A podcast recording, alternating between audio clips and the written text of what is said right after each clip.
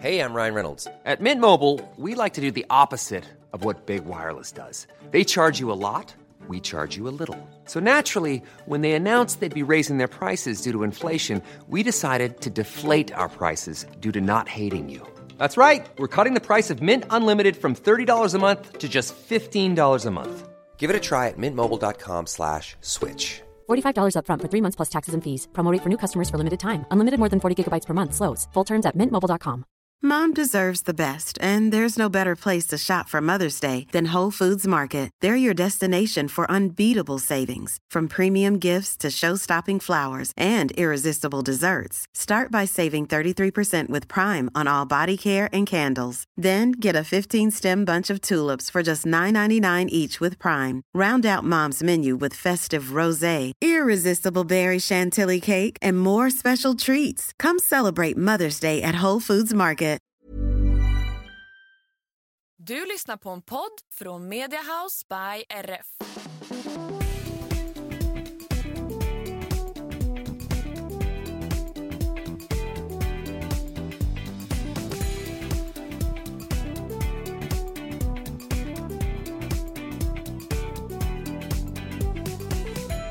Hej allihopa och välkomna till systrarna Älvstrands hästpodd avsnitt 206. Tjenare, mitt namn är Anna. Och mitt namn är Emma och det här är podden om oss och våra fyra hästar och ridsporten i stort och smått. Och Anna, just nu så är vi i Thailand, ligger kanske och njuter på någon strand.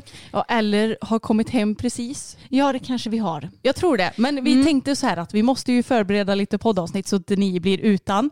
Och eh, idag så har vi Isabelle Andreasen som gäst. Och det är ju våran klubbkompis som tävlar dressyr, tävlar paradressyr. Och det ska bli himla roligt att eh, få prata lite med henne om ja, men parasporten och hennes resa och allt sånt där. Ja, jag tror att det är nyttigt för både oss och för våra lyssnare att få lära sig mer om para. Det tror verkligen jag också. Så vi säger hej och välkommen Isabelle. Hej, tack så mycket. Hej! Har, Jättekul att få vara här. har du gästat någon podd förut? Nej, det Nej. är helt nytt för mig. Ja men kul. Mm. Intressant. Men du har varit med i lite typ tidningsreportage och sånt va? Ja, men det har jag. Mm. Så du är ändå inte helt eh, medieovan?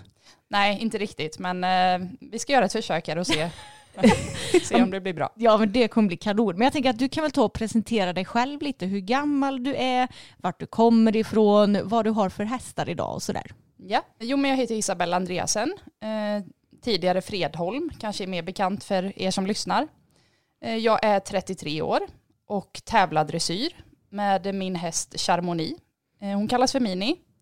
Jag har haft henne sedan hon föddes och hon är eh, nu snart 10 år. Sen har jag också en ponny, eh, Kristalls Movie Star, som jag började min resa efter olyckan eh, tillsammans med. Och nu har min dotter tagit över henne. Sen har jag också en treåring som heter Karamell som jag hoppas mycket på för framtiden. Så spännande. Kan, kan du inte bara dra, det är ju ändå lite kul att veta vilka de är efter också. Eh, ja, nu ska vi se. Eh, New Foresten är ju efter Kristalls Jolly Jumper. Och hon är ett ganska meriterat sto, eh, diplomsto, gjort mycket fina resultat i dressyr. Eh, sen har jag dressyrhästen Charmoni, hon är efter Charon Dom Primero. Och eh, Cream Caramel, treåringen, är efter Kane Bellagio. Åh, så Då var spännande. jag tvungen att tänka lite. det är inte lätt när man har flera i stallet. Då får man Nej. Mm, Men vänta, jag har glömt den också. Jag har en, eh, nu ska vi se hur gammal han är, ett, en ettåring. Mm. En hingst, men det är New Forest, så det är dotterns framtida tävlingsponny. Just det. Honom hade jag också glömt av om Ja. jag ska vara ärlig. Men det blir lite så, för han bor inte hemma just nu. Så att, mm, ja. Han har det bra där han är och man tänker inte så jättemycket på han. Förlåt Milo. Ja, men det är en riktig blandning av hästar som du har. Mm, Verkligen. Vad jobbar du med? Jag jobbar på ett psykiatriboende som samordnare. Spännande. Ja, det är jättekul. Men vad har du för meriter inom ridsporten då, Isabel?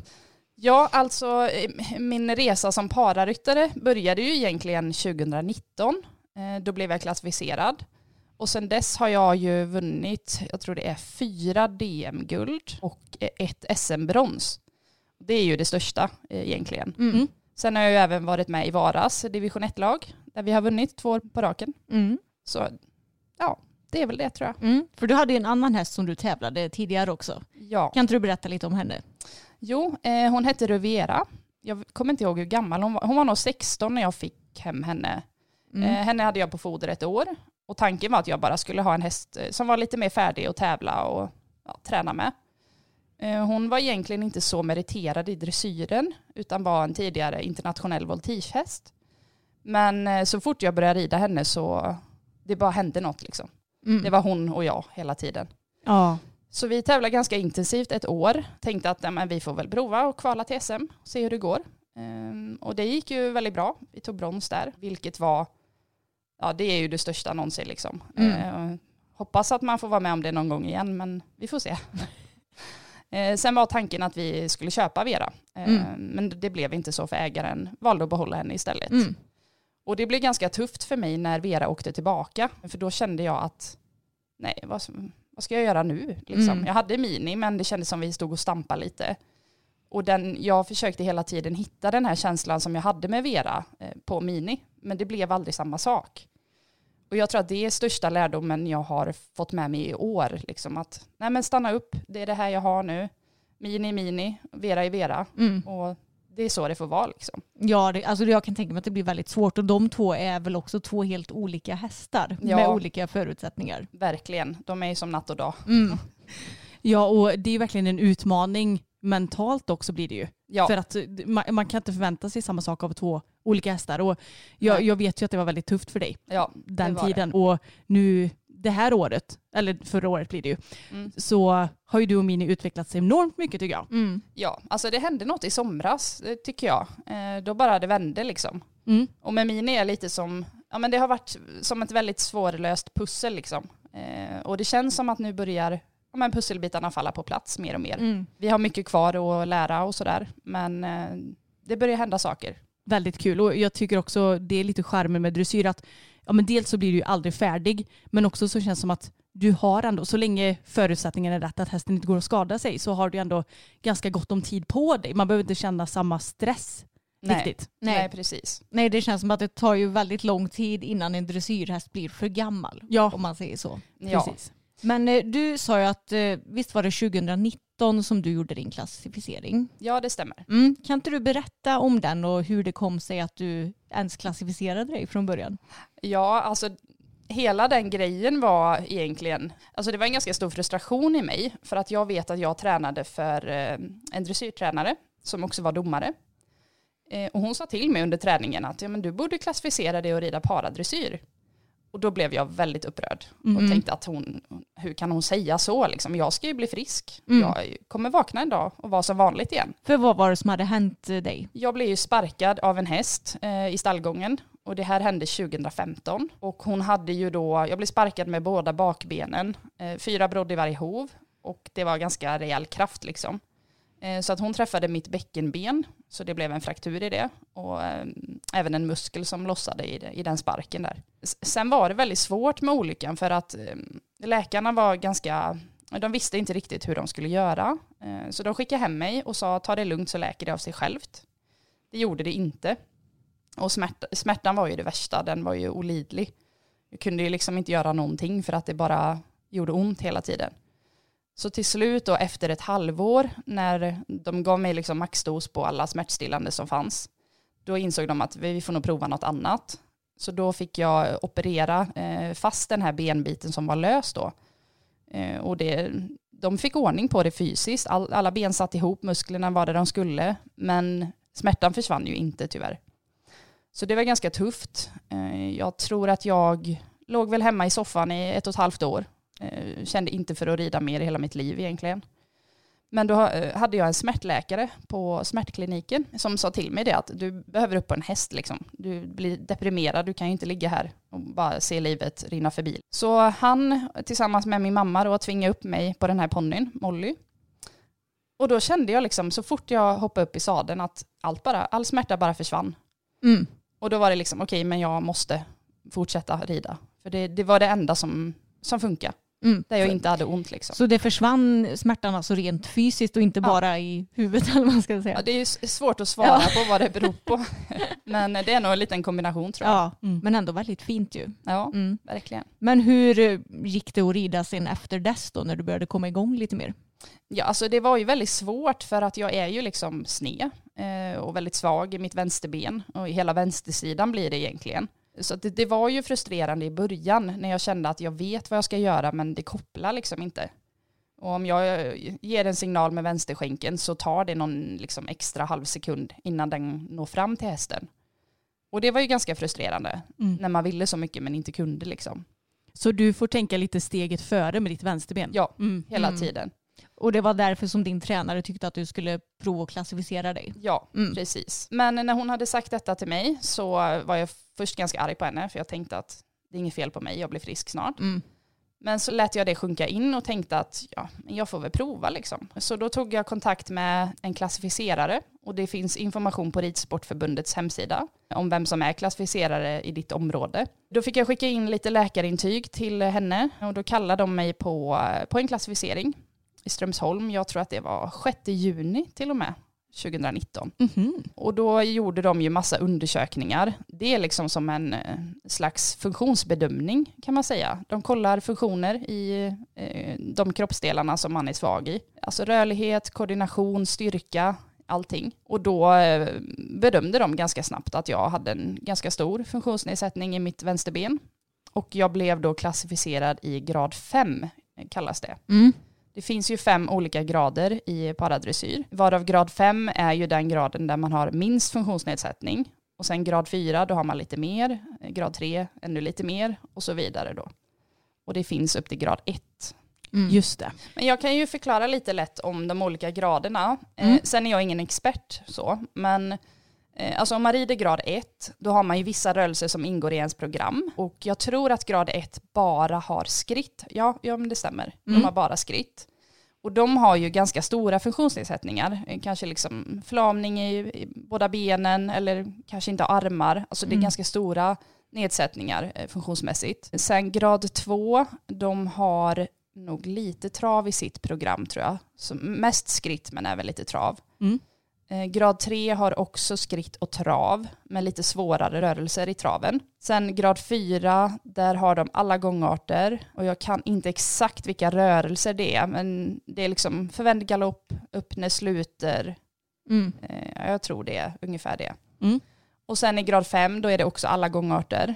Eh, lite svårare rörelser. Det är till exempel slutor i både trav och galopp.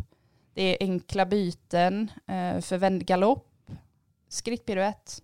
Ja, ungefär som mm. medelsvår B fast utan byten. Just det. Så det är vad ska man säga, de rörelserna som ingår när ni typ tävlar SM? Ja, precis. Och kan man rida SM i varje grad? Ja, mm. det delas ju upp utefter de olika graderna då. Mm, så grad 5 till exempel tävlar ju mot varandra. Mm. Grad 4 mot varandra och så vidare. Mm, precis. Men man kan ju ha både fysiska och intellektuella funktionsnedsättningar. Vet ja. du typ hur det, vad ska man säga, hur klassificeringen kring det går till och vilka, hur man bestämmer vilken klass man ska rida och sådär. Nej, det är jag väldigt dåligt insatt i. Eh, men jag vet att de som har intellektuell funktionsnedsättning, de tävlar ju i Special Olympics. Just det. Och där finns ju också olika program beroende på vilken nedsättning man har. Mm. mm. Just det. Men när du tävlar dressyr, tävlar du alltid samma program då eller kan du välja hejvilt vilket du vill rida? Ja, alltså om jag tävlar på, eh, alltså i mina paraprogram, då finns det två stycken. De kallas Grand Prix individuella testet och teamtestet. Mm.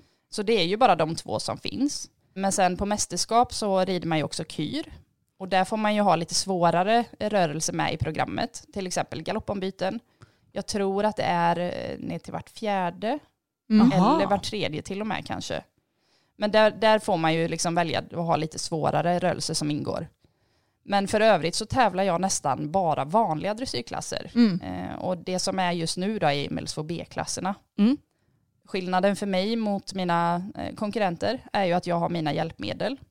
Och det är ju främst då gummiband på vänster stigbygel och ett dressyrspö i vänster hand. Mm. Just det. Och behöver du liksom intyga någonting på tävling ja. de här hjälpmedlen, att du behöver ha dem? Ja, det måste jag göra vid varje tävling eh, och då eh, prata med både sekretariatet och överdomaren så att överdomaren kan vidarebefordra detta till domaren då. Mm. Just det. Och då har jag ett, eh, ett medicinskt kort kallas det. Där det står vilken eh, grad jag rider och vad jag har för hjälpmedel. Mm, mm, just det. Har det hänt någon gång att typ domaren inte har haft koll på, på att du får rida med spö till exempel så att de har frågat dig men hallå varför har du spö? Ja, Ja. det har hänt ett antal gånger. ja. Vad händer då? Ja, alltså jag vet jag var eh, och tävla med, en eh, ponnyhingst en gång faktiskt. Och då rider jag in på medellinjen, eh, stannar och hälsar och ska liksom ut i höger varv. Och hon ropar irriterat liksom, du har spö, du måste slänga spöet. Mm. Och då förklarar jag att men jag har visat kortet för överdomaren och jag är pararyttare liksom. Hon bad om ursäkt lite grann men de hade missat kommunikationen där. Så jag fick ju göra om uppridningen liksom. Ja. Ja. Eh, Fast jag tyckte den första blev bättre. Jag ska precis fråga dig, blir det bättre eller sämre? när det blev sämre. Ja, tusan. Och väldigt många gånger så är det liksom folk i publiken som ropar till att Åh, glöm inte spöet. Mhm, och det är ju liksom av godo de gör det. Ja. Mm. Så, men det är klart att det kan störa lite ibland. Förstår det. Ja, det kan ju störa bubblan lite kan jag tänka mig. Ja, Mm. det gör ju det. Men Ja. det är som det är. Ja, exakt det är så det. Men det känns ju ändå som att det finns ju en del pararyttare som rider de vanliga klasserna så det, det borde ju inte vara helt ovanligt att folk rider med spö på tävling också. Nej, och jag tycker att det har blivit eh, mindre sånt de senaste åren. Mm. För det har ökat, speciellt i våra region, att det är Ja. många pararyttare som är med. Mm, verkligen. Och det som är kul också det är att ja, men typ i division 1 nu som vår klubb har vunnit två år i rad eh, och även i andra lagtävlingar det är att om du har med en pararyttare så får man ju vara fem ekipage i laget istället. Ja, Vilket jag tycker är jättekul för det är ju verkligen så att då, främjar, då främjar du ju att få fler pararyttare att starta tävlingarna. Ja, absolut. Det är jättekul. Det är en bra regel tycker jag. Ja, jag håller med. Mm. Okej, men innan vi går in på lite frågor som vi har fått ifrån våra lyssnare. Vill du berätta vad du har för mål inför framtiden? Har du något mål i år till exempel med Mini? Ja, det har jag faktiskt. Mitt mål är att kunna komma till SM. Eh, Det går på Grevagården i början av maj. Och nytt för i år är att man tävlar i tre dagar. De två första dagarna så är det paraprogrammen som vi har i våran grad. Och sen om man uppnår en viss procent så tar man sig till kyrfinal som är den tredje dagen. Och det har ju jag drömt om hela mitt liv Mm. tror jag. Att få rida kyr. Ja, Gud vad roligt, det Roligt. hade varit. Ja, det hade varit så häftigt. Så jag tänker att nej men jag måste ju bara köra. Vad krävs för att kvala? Jag kan inte det exakt nu, men det är 64 procent i det programmet som man rider i normalt sett. Då. Ja, Mm. just det. Så. Då håller vi tummarna för att ni kommer dit, det vore så häftigt. mm. Ja, det hade varit väldigt kul. ja, då får vi komma och titta i så fall. Ja, vad Ja, kul det att det är på tycker Grevagården. Ja, det är lite ovanligt. Ja. Det brukar vara mycket längre bort annars. Ja. Men jag tänkte att nej men, nu, nej, men jag får köra bara. Mm. Så får det gå som det går. Ja. Men jag kom på en fråga också. Att eh, ja, men de som tävlar typ OS i paradressyr, rider de samma program som du rider? Eller Ja. ungefär samma rörelser? Mm. Ja, det är exakt samma Ja, det program är det. Mm. faktiskt. Men sen är det ju lite olika i kyren då. Mm. Det får man ju sätta ihop som man vill. Mm, Det är mm. vissa grejer som måste ingå givetvis, som i alla kyrprogram. Mm. Eh, Så, så som F- SM ser ut i år, det är ungefär så som OS ser ut då? Ja, Mm. det är Mm. exakt samma upplägg. Ja. Mm. Vad kul. Då får du träna inför framtida OS här också kanske? Exakt. Ja, alltså det är ju ett eh, mål som, det ligger ju någonstans där inne. Mm. Eh, sen kanske inte det målet är rimligt med Mini. Men jag hoppas ju mycket på den här treåringen jag har nu Mm. för framtiden. Ja, man måste våga drömma. Ja. så är Ja. det. det vore ju sjukt häftigt att få se dig i OS. Ja, Ja, jätteroligt. Vem vet? Men nu när vi ändå är inne och pratar lite om hästar, vad skulle du säga gör en, em, eller hur- hur skulle du beskriva din drömhäst som pararyttare inom dressyren? Ja, alltså den måste ju ha ganska mycket energi Mm. för att kunna liksom tagga till på banan och även svara upp på mina signaler. Men det får inte heller vara för mycket energi, för man måste ju kunna bemästra det. Eh, Och hästen behöver också vara ganska lyhörd för mig eftersom jag eh, sitter lite snett ibland, ger kanske lite dubbla signaler. Men en ganska framåt häst, spänstig, Mm. ja, helst fux. Ja. Jag Ja, du lite, gillar ju dina fuxar. jag är lite svag för fuxar. Ja, men det är vi också. ja, men det kanske egentligen inte är så himla stor skillnad mot hur man vill att en dressyrhäst ska vara. Nej. Oavsett om man rider para eller inte. Nej, men så är det. Mm. Alltså man söker ju egentligen efter samma, i alla fall för min del. Sen beror det ju på de som rider lite lägre grader, som kanske bara har skritt och trav. Där det är jätteviktigt att hästen har bra skritt och trav. Ja. Så det ser ju lite olika ut beroende på vilken grad man är i. Mm. Och kanske desto tryggare ju mer funktionsnedsättning du har också. Ja. Jag tänka mig. Mm. Precis. Okej, men då går vi in på frågor som du har fått Isabelle från våra lyssnare. Vet att du har slitit hårt för att få Mini redo för medelsvår. Letar du efter en mer färdig häst också? Nej, det gör jag faktiskt inte. Eh, utan det får ta den tid som det tar med Mini. Jag tror ändå fortfarande mycket på henne. Eh, men med Mini så tar allt ganska lång tid för hon har lite kroppen emot sig. Hon är byggd lite i nedförsbacke vilket man kanske helst inte vill. Så jag tänker att jag ger henne tiden hon behöver. Mm. Eh, och jag har ju också Karamell som väntar där hemma liksom. Så med tiden så tror jag att jag har två väldigt bra hästar. Det tror verkligen jag också. Men på tal om Karamell, hon är tre i år va? Ja. Ja. Kommer det bli något typ treårstest eller har du, vad har du för planer med henne? Det kommer inte bli något treårstest. Nej. Jag tycker att, eh, alltså mitt syfte är att ha henne själv. Hon ska bli en trygg och bra ridhäst. Och jag vill inte stressa fram någonting. Jag tycker fortfarande att hon är ganska valpig eh, i kroppen. Hon behöver lite tid tror jag för att växa till sig. Mm. Och hon har skjutit i höjden jättemycket det sista. Eh, så hon ser ganska lustig ut just nu. Mm, men det är ju väldigt sunt tänk. Ja. Det, får, det får ta den tiden det tar. ja, Ja, men Isabel, vad tycker du om kandar? Och jag har en följdfråga också. Mm. Får man tävla på kandar i paraklasser? Alltså inte när du rider typ medelsvår B för då antar jag att du får rida på det du vill. Men Mm. i dina paraklasser, får du göra det då? Ja, grad 4 och grad 5 får tävla på kandar. Mm. Men jag kommer inte ihåg, alltså det är inte på, på alla tävlingar, men på liksom mästerskap så får man ha kandar. Mm. Vad jag tycker om kandar är väl eh, ganska delat. Eh, Jag tycker att eh, alltså de som kan behärska ett kandar och hästar som trivs med det, tycker jag att det är inget fel liksom. Men många gånger så tycker jag att det är en onödig betsling. Och jag känner i mitt eget fall, så mina hästar går alltid mycket bättre på kan- eller utan kandar, alltså på vanlig tränspett. Jag, jag tycker själv att det blir ganska fippligt med alla tyglar och man ska korta och länga. Och sen är stångtygen för kort och så, är den, så glappar den. Ja, håller med. Så, ja.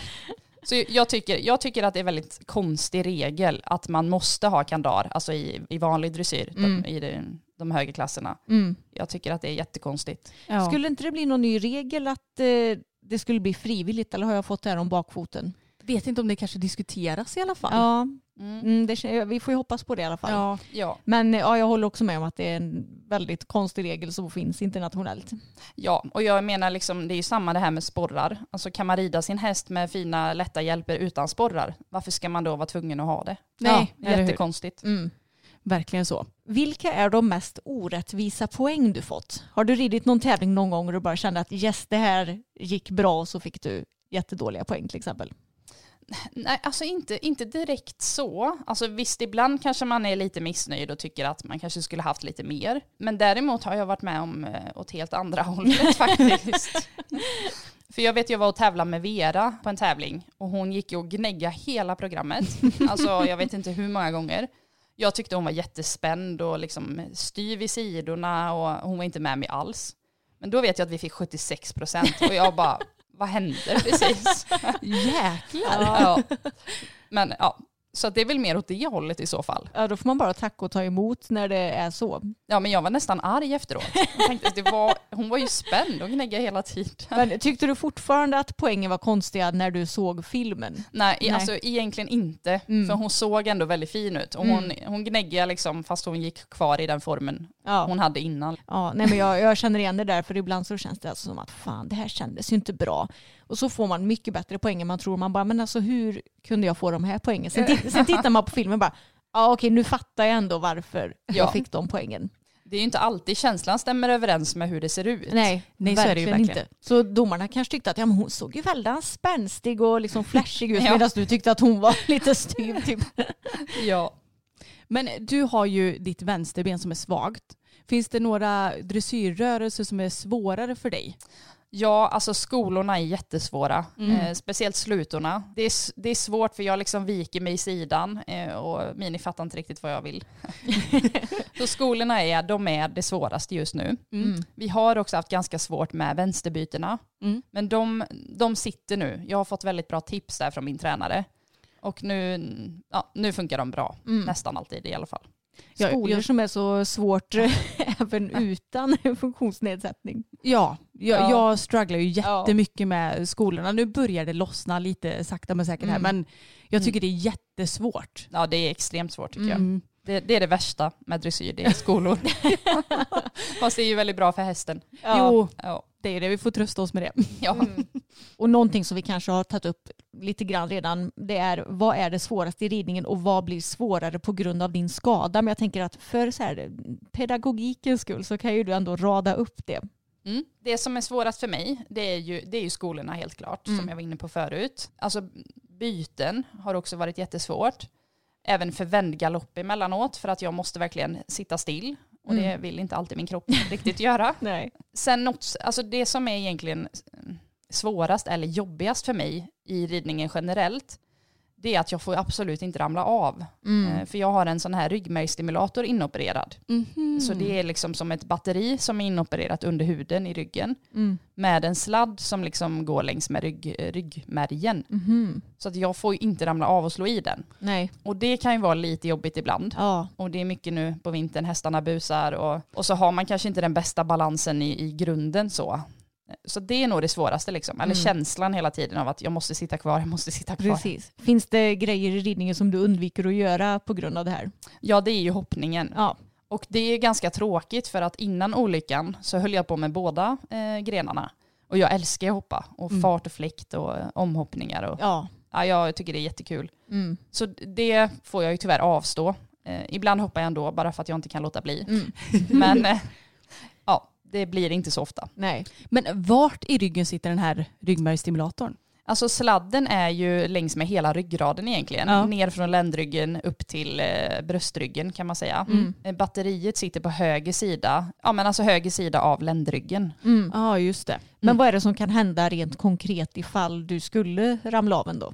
Då är det, alltså det är ju inte så att jag exploderar, men det kan man ju kanske tro. vad det hade varit. Men det, det är ju liksom att, att den går sönder och jag måste operera in en ny. Ja, det hade varit väldigt jobbigt. Ja, och Mm. den operationen var extremt påfrestande. För jag fick ju inte göra någonting på sex veckor. Nej. Jag fick inte ens borsta håret eller Oj. Mm. alltså vrida ryggen. Jag fick vara helt still. Och det är inte lätt när man heter Isabelle.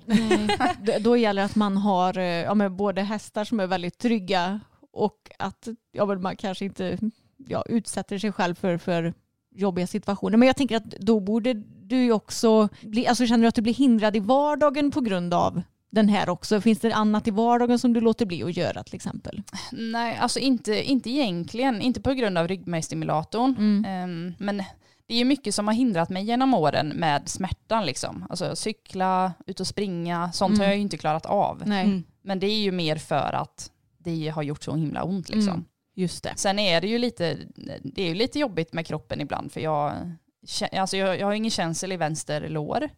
Och jag känner även benet väldigt dåligt ibland så jag, jag Mm. kan ju snubbla ganska ofta. Ja. Häromdagen ramlade jag ner för trappen och vricka foten liksom. Oj. Det är inget Ja. ovanligt. Nej. Men kan du typ hoppa upp och rida andras hästar eller är du lite restriktiv med det också? Ja, Jag är ganska restriktiv med det. Om jag vet att det är en lugn och trygg häst, eh, då är det inga problem. Jag har en kompis häst som jag har tävlat lite i år. Mm. Och det vet jag, han är världens snällaste gentleman liksom. Men eh, jag har ju också fått frågan av andra vänner, mamma vill prova min häst? Och så ser jag att den är jättebusig och bråkig. Mm. Då, då tackar jag nej Ja, liksom. ja. jag måste tänka på min kropp.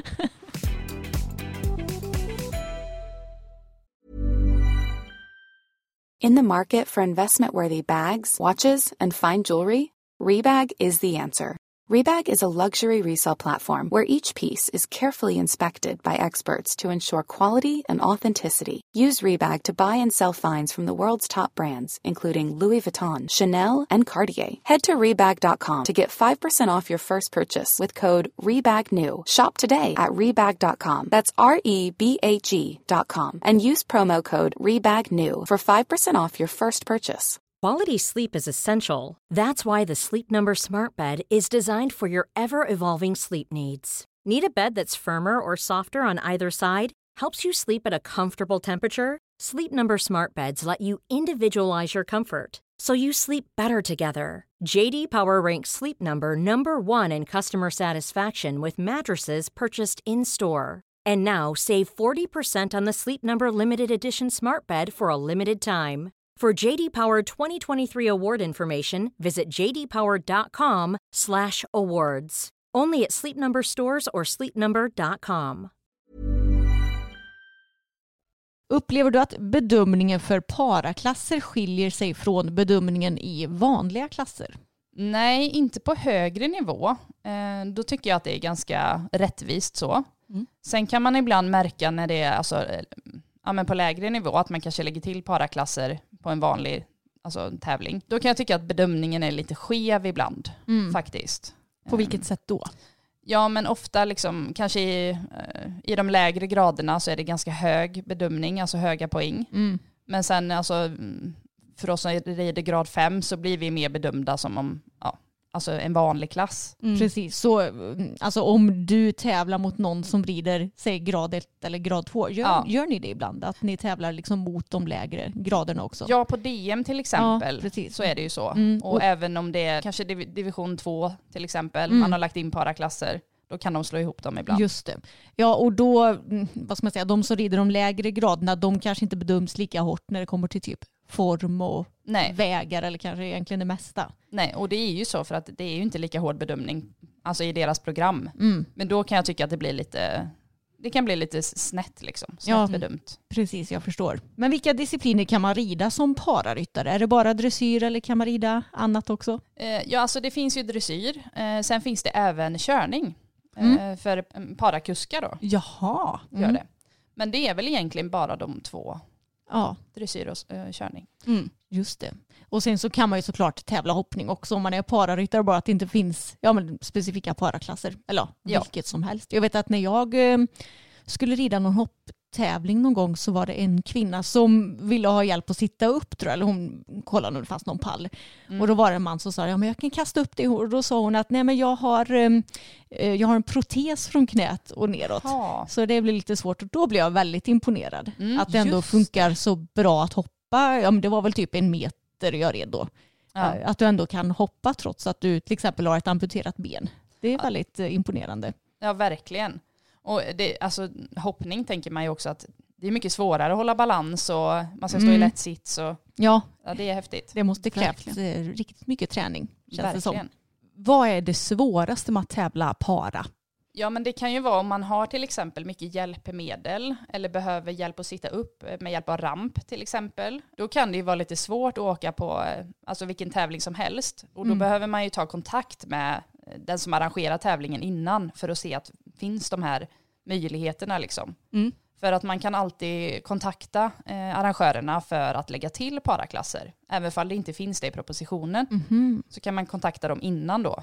Men då är det ju viktigt att se till så att man har alla förutsättningar som krävs och kanske behöver handikapptoalett och Mm. Ja. Så har alla ridklubbar skyldighet att ordna paraklasser om det önskas? Eller är det kanske du inte vet? ja, det kan jag nog inte svara på faktiskt. Nej, men man kan i alla fall kontakta dem och fråga ifall de kan lägga till. Ja, Ja. det kan man göra. Okej, det visste inte jag. Nej, jag visste Mm. inte det heller. Och det känns också som en så självklarhet för oss. För jag menar, vi rider ju alla för Vara hästsportklubb. Mm. Och även innan när Vara hästsportklubb var Varortens ryttarförening så har vi ju vi har alltid varit en väldigt paravänlig klubb. Mm. Så då känns det som, för oss är det så självklart att anordna paratävlingar Ja. och lägga till paraklasser. Och vi har ju alla hjälpmedel som finns. Och, Mm. Eller alla hjälpmedel vet jag inte, men vi har ju lift och sådana här grejer i alla fall. Ja, exakt. Så då, det, det känns så självklart. Men det är Mm. klart att alla klubbar har ju kanske inte Nej, alla möjligheter som finns. Nej. nej, så är det ju.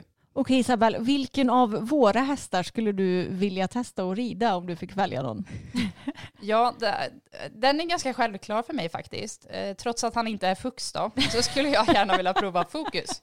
För Ja. han har jag alltid gillat så mycket. Mm. Du, det får du gärna göra. Gud vad kul. Ja, Det det, gör jag jättekul. gärna. Ja, Mm. Han är också väldigt snäll. Ja. Mm. Ja. Ja det är han ju. Du, du måste ju inte rida i hans eh, skräcksamma paddock om du inte vill. Nej, precis. Nu brukar det oftast funka ganska bra men Mm. eh, häromdagen när jag red så eh, ja då var det en fågel som skrämde honom så då var vi liksom på andra sidan paddocken rätt vad det var. Mm. Så Ja. vi kan rida i trygga fina ridhuset, där brukar han inte göra någonting. Ja, men det är bra. Då kan vi göra ett testbyte. Ja, Det hade varit kul. Mm. det hade varit Men jättekul. Mini är ju inte Guds bästa barn, eh, om man säger så. Eh, hon är ganska pigg och busig också. Mm. Igår så stod hon på bakbenen rätt upp, fyra gånger. På Gärdet när vi red i snön. Mm. Så hon kan också busa. Ja. Så hon har ju gett mig en ganska bra grundbalans ändå. ja, men det är bra. faktiskt. Och då, då tänker jag att du kanske känner henne lite också så att eh, du, du har ju ändå balansen på henne. Ja. Så det kanske inte är så stor risk att du ska ramla av henne ändå. Nej, men det händer ju faktiskt ibland. Gör det? Ja, det gör det. Men blir du rädd när hon gör sådana saker? Nej, alltså jag skrattar mest för jag tycker hon är ju ganska, hon är en ganska chill häst. Väldigt lugn och trygg och stabil. Jag tycker bara det är roligt när hon spexar lite. Ja. Känns det orättvist ibland när du tävlar mot andra som har andra funktionsnedsättningar? Nej, det tycker jag inte. Alltså orättvist skulle jag inte säga. Utan alltså, man har ju den funktionsnedsättning man har. Eh, Det kan ju vara väldigt olika och vi som rider grad 5 till exempel, det syns ju sällan att vi har någon funktionsnedsättning, alltså Mm. när vi går och rör oss. Mm.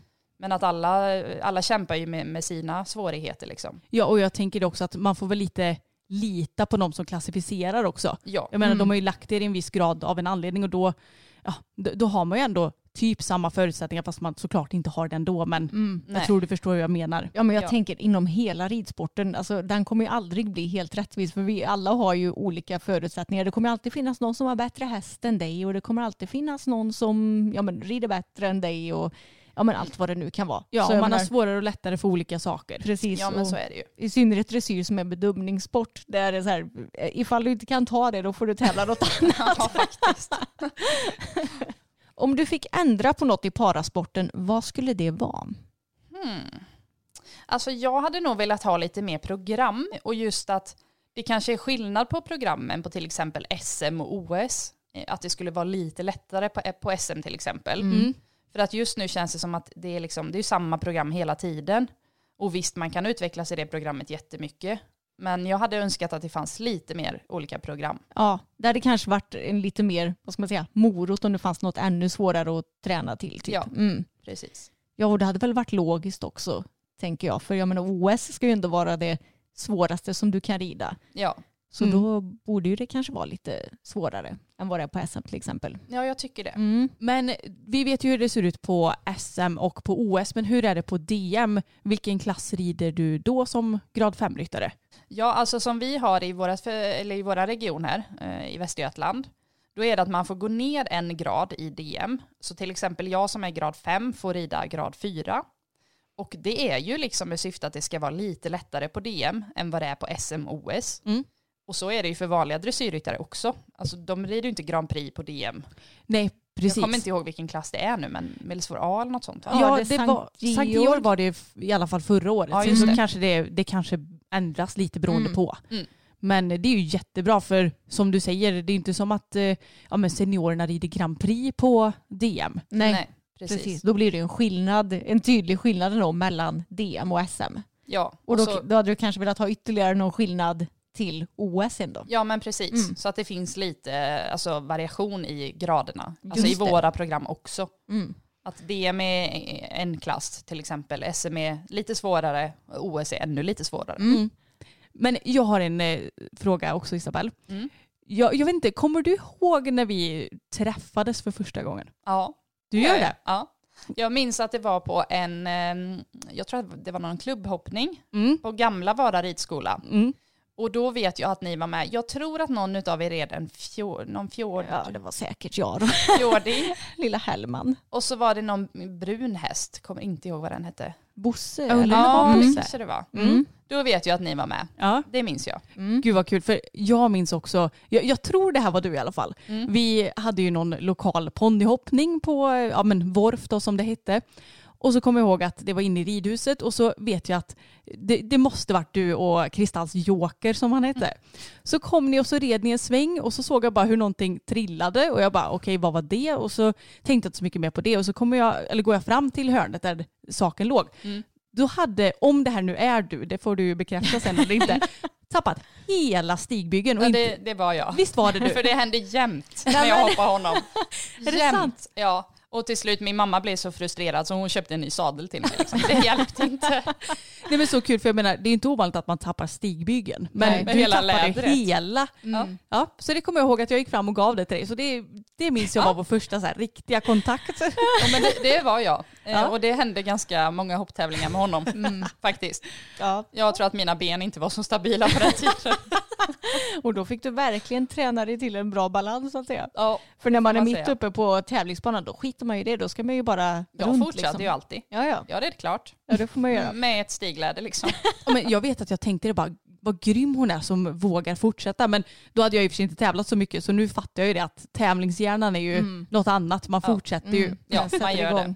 Men har du, vad ska man säga, har du mycket tävlingsnerver eller är du chill när du tävlar? Alltså jag har ganska mycket nerver, men de är liksom alltid under kontroll. Mm. Och jag har alltid en bra känsla innan tävling. Jag blir alltid så taggad liksom. Ja, Jag blir inte så nervös att jag mår dåligt, utan tvärtom. Kan jag starta nu liksom? Jag vill in. Ja för jag skulle säga det, du känns ju inte som en så himla nervös person att du går runt och äh, är Nej. sån. Nej men det är jag inte. Eh, fast enda gången jag kanske är väldigt nervös det är när, när min dotter är ute och tävlar på, på ponnyn. Ja. För att hon har lite svårt att bete sig ibland. Då är jag nervös. ja, jag kan tänka mig att det blir ju inte lättare det där med att titta på andra när det är ens egna avkommor så att säga. För jag, menar, jag är ju nervös när du tävlar. Ja. Jag kan inte ens tänka mig hur det hade varit om jag hade haft ett barn som hade tävlat. Nej det är något helt annat. Mm. Det, tävlar man själv så då kan man lita på sig själv liksom. Ja. Och eh, sin häst. Ja, och sen kan jag tänka mig att du vill väl såklart att hon ska vara glad och nöjd också Ja. när hon har tävlat. Så är det ju. Så att hon ska vilja fortsätta och tycka att det är kul och sådär. Precis. Mm. Hur är det att ha intresse tillsammans med sin dotter? Det är jättekul. Mm. Det är helt underbart faktiskt. Och vi gör ju allt tillsammans. Vi är ute och rider, vi hjälps åt i stallet, Mm. hon är med på alla tävlingar. Och det, det är väldigt kul. Mm. Mm. Underbart ju. Mm. Ja och ni är väldigt flitiga också. Alltså ibland när jag tänker så här, jag tittar ut och ser hur det typ snöregnar på tvären och så lägger du upp en story att du till du är ute och rider. Jag bara, ja, vissa kanske har lite mer, eh, vad säger man, disciplin än vad andra har. Ja. Ja, ja, ni har verkligen bra disciplin. Ja. Men jag är ganska envis tror jag. Eh, och jag har aldrig haft eh, speciellt bra förutsättningar egentligen. Mm. Alltså jag tror att jag var 16 eller 17 när jag fick min första paddock. Och innan dess jag var ute i skogen och på vägarna jämt liksom. Mm. Och alltid fått rida i mörker och men jag tycker att det är lite mysigt också. Ja. Om man bara har en bra pannlampa. Ja. men det är, alltså nu rider ju vi aldrig i mörker längre för vi har ju möjlighet att rida på dagtid men det fanns ju en period i vårt liv när vi red ut i mörker och jag håller med, det är faktiskt ganska mysigt att göra det. Ja men det är det. Men det, det här är också lite intressant. Vad har du för möjligheter hemma med ridning och paddock och allt sånt? Eh, alltså just nu så, jag har ingen paddock. Eh, men jag har ett par vänner som har en paddock och det kanske tar en kvart att skritta dit. Mm. Eh, så där rider jag lite grann ibland. Annars är det alltså 80-90% av min ridning är i skogen eller på gärden. Mm. Grusvägar. Sen åker jag till ridhuset emellanåt i Nossebro då, för jag bor utanför Nossebro. Mm. Men det är ju lite omständigt tycker jag, tar tid. Eh, Det är Ja. mer effektivt att rida hemma. Håller med. Verkligen. Ja, alltså, även om man inte har långt till ridhus så är det så jävla mycket meck att Ja. ta sig dit. Packa och lasta Ja. på. Ja, Så på med för- släpet och... Mm, jag förstår. Men ja, det verkar ju onekligen som ett vinnande koncept att rida ut mycket och så som du gör. Ja men det är härligt tycker jag. Ja, Mm. det är Och man kan ju träna jättemycket ute i skogen också. Ja. Mm, Det tror jag många glömmer bort lite. Mm, det tror jag också. Men har du någon favoritryttare i världen? Ja, alltså det, det finns många tycker jag. Mm. Charlotte Duchardin är ju en av favoriterna, har Mm. alltid varit. Eh, Så att jag brukar väldigt ofta kolla på klipp när hon tävlar. Det gjorde Ja. jag precis innan jag kom hit faktiskt. Ja. Så hon är en ganska stor inspiration. Mm. Ja, det, jag fattar inte hur man kan sitta så bra i sadeln som hon gör. Nej, hon Det är helt blir jag jävla avundsjuk på. Ja, Verkligen. Bara, "Ha, här sitter jag alldeles still på min häst. exakt. ja, eller hur? Men tittar du mycket på typ dressyr när det är världscup och mästerskap och sådär? Alltid. Ja, det gör det. Ja, Mm. även hoppning faktiskt. Ja. Mm. Har du någon favorithoppryttare då? Ja, det är väl Peder och Henrik. Ja, Man kan ju inte ha någon annan. Men vi har väldigt bra svenska hoppryttare. Ja. Det är synd att vi inte riktigt är där i dressyren som vi är i hoppningen. Ja, Vi får Kanske- se, det kanske, kanske kommer. Ja, exakt. Ja, men jag och Anna, vi har ju pratat lite om just det här med ja, men varför Sverige är lite efter i dressyren jämfört med ja, men typ Danmark, Storbritannien, Tyskland och andra länder. Har du någon tanke kring varför det kan vara så och vad Sverige behöver göra för att komma upp sig och bli en toppnation i dressyren? alltså jag vet inte egentligen för hästarna vi har är ju inte sämre på något vis. Mm. Men det, jag vet inte, det kanske är träningen liksom. Ja. Vi är lite slappa. Ja, jag har också tänkt på det här och har egentligen inget bra svar på det hela. Nej. Och det, men det är ju det som är så svårt med dressyren, för som vi har pratat om förut i podden, att i hoppningen så är det mycket mer öppet om vilket lag eller vilket land eller vilken ryttare som kommer vinna och stå på pallen. Mm. Men i dressyren så är det så här, du har ju oftast din lägsta nivå Mm. och det, det är svårt att slå den eller att den ska bli allt för dålig. Mm. Typ Jessica von Bredow. Det är liksom, Även om hon gör en dålig ritt så kommer hon med största sannolikhet att vinna. Så Ja. ju, Fast jag, jag kan tycka det är lite svårt ibland när man kollar på alltså, världscupen i dressyr till exempel. Mm. För jag kan tycka att kanske en av våra svenskar gör en lika bra ritt Mm. som någon av toppnamnen, alltså från Tyskland. Ja. Men så får de ändå sämre poäng. ja, jag håller med. Men det, det är väl för att det är så mycket också kanske namnen som bedöms. Mm. Och det har det ju kommit studier på som visar att det faktiskt är så. Ja. Så det, ja, men det är också det som är svårt med dressyren, att den är ju inte lika rättvis som hoppningen. För i hoppningen är det ju bara data. I dressyren så är det ju någon som ska tycka om Mm. mm, liksom det du rider. Så det är ju svårt alltså, men eh, ja, vi får Ja, se. för, för jag tycker verkligen inte att vi har, vi har inte sämre hästar i Sverige än i något Nej. annat land. Alltså de är ju jättebra. Mm. Ja. Så att jag förstår inte riktigt faktiskt. Nej. Nej, och jag menar, det finns ju ingen här som är perfekt heller. Jag tycker att ja, men ofta när man ser på världscupen och så, då ser man att okej, men den här hade lite svårare för piaffen och den här hade lite svårare för galoppdelar och sånt där. Så att jag tycker liksom inte att det finns någon här som sticker ut heller som är helt perfekt. Nej. Nej. Nej, så, Så. är det ju verkligen. Och många gånger, alltså de som ändå går in och vinner har ju ofta någon liten miss liksom, i något Mm. byte eller någon övergång. Så att, men det räcker ändå. Liksom. Mm. Ja, och det är någonting som vi också har pratat lite om i podden, jag och Emma, att det känns som att när de gör något, någon miss, då är det ändå så här, ja, ah, sjua. Ja. Men när en annan gör en miss så är det typ så här, fyra, Ja, Ja. tre, eller nolla. Nej, men, ja. Fast, fast det är lite konstigt det där ibland, för jag vet när jag tävlade med Vera så eh, red jag mitt program och efteråt så eh, ville domaren prata med mig och så sa hon det, men herregud vad fin Mini har blivit. Mm. Hon har verkligen eh, lyft upp sig och Ja. är mer spänstig. Och jag liksom bara, men det är inte Mini, det här Nej. är en ny häst. Jaha, men oj, ja, jag trodde det var Mini. Och då fick jag 62 procent Ja. och jag tyckte det var jättebra. Mm. Eh, red ett program till, Mm. samma känsla, alltså hon kändes lika fin. Då fick vi 72 och det var samma domare. Och jag blev så chockad liksom. Och precis som att bara för att det var Mini som kom in, då skulle hon få dåliga poäng liksom. Mm. Det är ju Så- jättekonstigt. Ja, Ja. Mm. Ja, ver- ja, det var ju en enorm skillnad i poängen Ja. verkligen. det var Typ 10 10 Ja, det procent. var 10 procent. Ja. Och hon gick likadant i båda programmen liksom. Mm. Ja, det är ju lite intressant faktiskt får jag säga. Verkligen. Mm. Ja, och det blir ju ganska kul att se när Karamell kommer ut sen för att Mm. hon ser exakt ut som Mini Mm. eh, fast hon är, har längre ben. Men hon har samma tecken och allting. Samma nyans nästan. Mm. Ja. Men hur stor tror du hon blir då? Hon blir över 1,70 tror jag. Ja. 1,72, 73 kanske. Bra size. Ja, Mm. Och Mini är, 1,68. ja.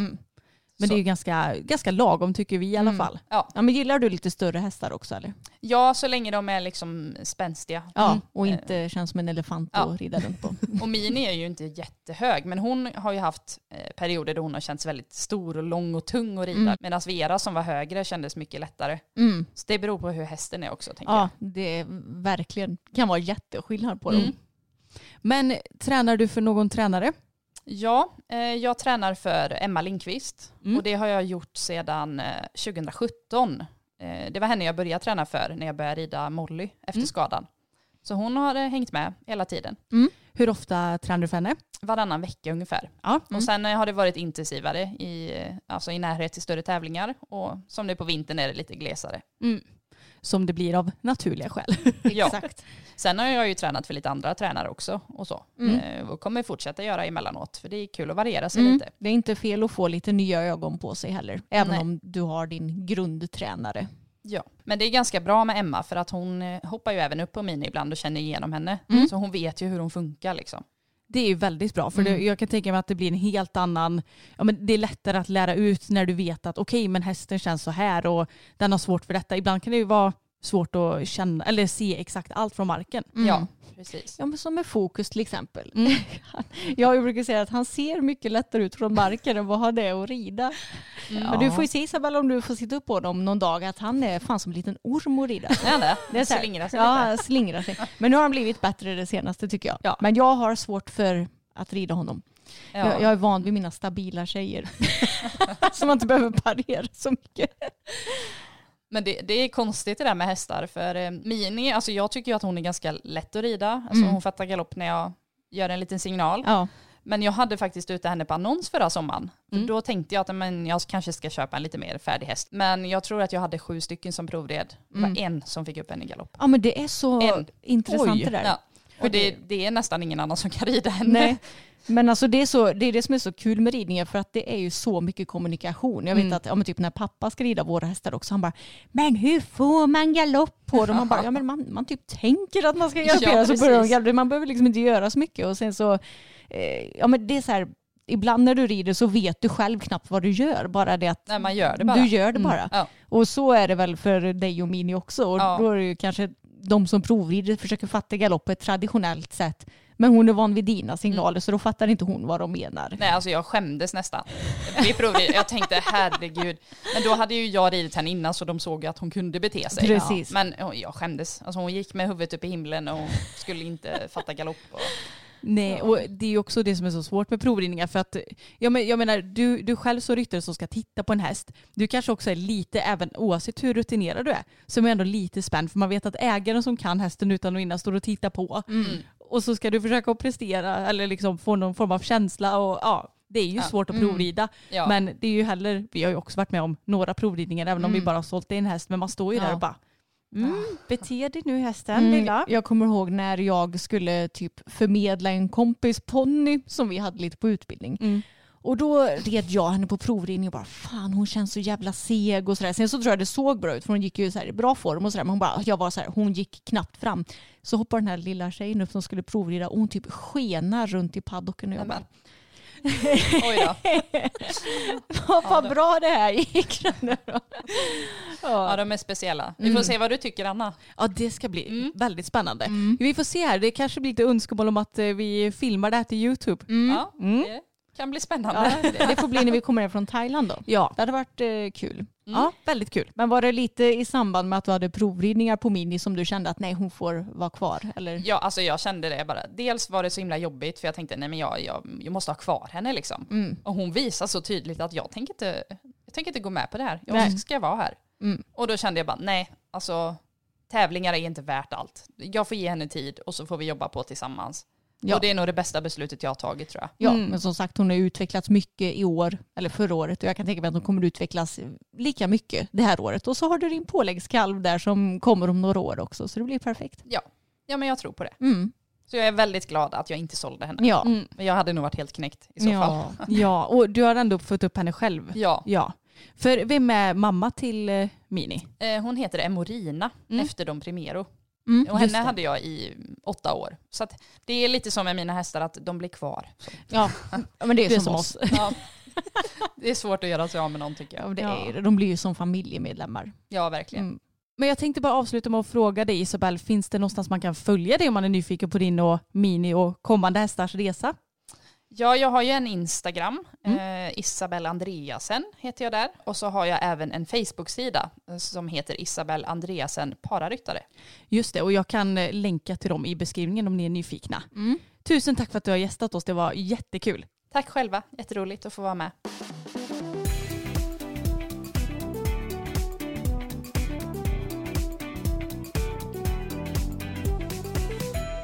Ja men det var allt för det här avsnittet och jag hoppas att ni har uppskattat de här tre gästavsnitten som ändå har blivit med tre av våra kompisar. Ja, men väldigt roligt och jag tycker att alla har varit så himla grymma på att podda trots att de inte har gjort det tidigare och det har varit tre väldigt blandade avsnitt där jag har fått lära mig mycket och jag hoppas att ni som lyssnar också har fått lära er en del. Mm, håller verkligen med. Men nästa vecka hörs vi med ett helt vanligt avsnitt och då hoppas vi att vi är ja, pigga och glada. Ja, taggade på jobb. Exakt, det tror jag nog att vi ska vara. Och kom ihåg nu att i beskrivningen så finns all information om oss, om Isabelle och alla länkar som ni kan tänkas behöva. Det stämmer bra det. Ha det fint så hörs vi om en vecka. Hej då! Hej då! Normally, being a little extra can be a bit much, but when it comes to healthcare, it pays to be extra. And United Healthcare makes it easy with Health Protector Guard fixed indemnity insurance plans. Underwritten by Golden Rule Insurance Company, they supplement your primary plan, helping you manage out of pocket costs without the usual requirements and restrictions like deductibles and enrollment periods. So when it comes to covering your medical bills, you can feel good about being a little extra. Visit uh1.com to find the Health Protector Guard plan for you. Cool fact a crocodile can't stick out its tongue. Also, you can get health insurance for a month or just under a year in some states. United Healthcare short term insurance plans, underwritten by Golden Rule Insurance Company, offer flexible, budget friendly coverage for you. Learn more at uh1.com.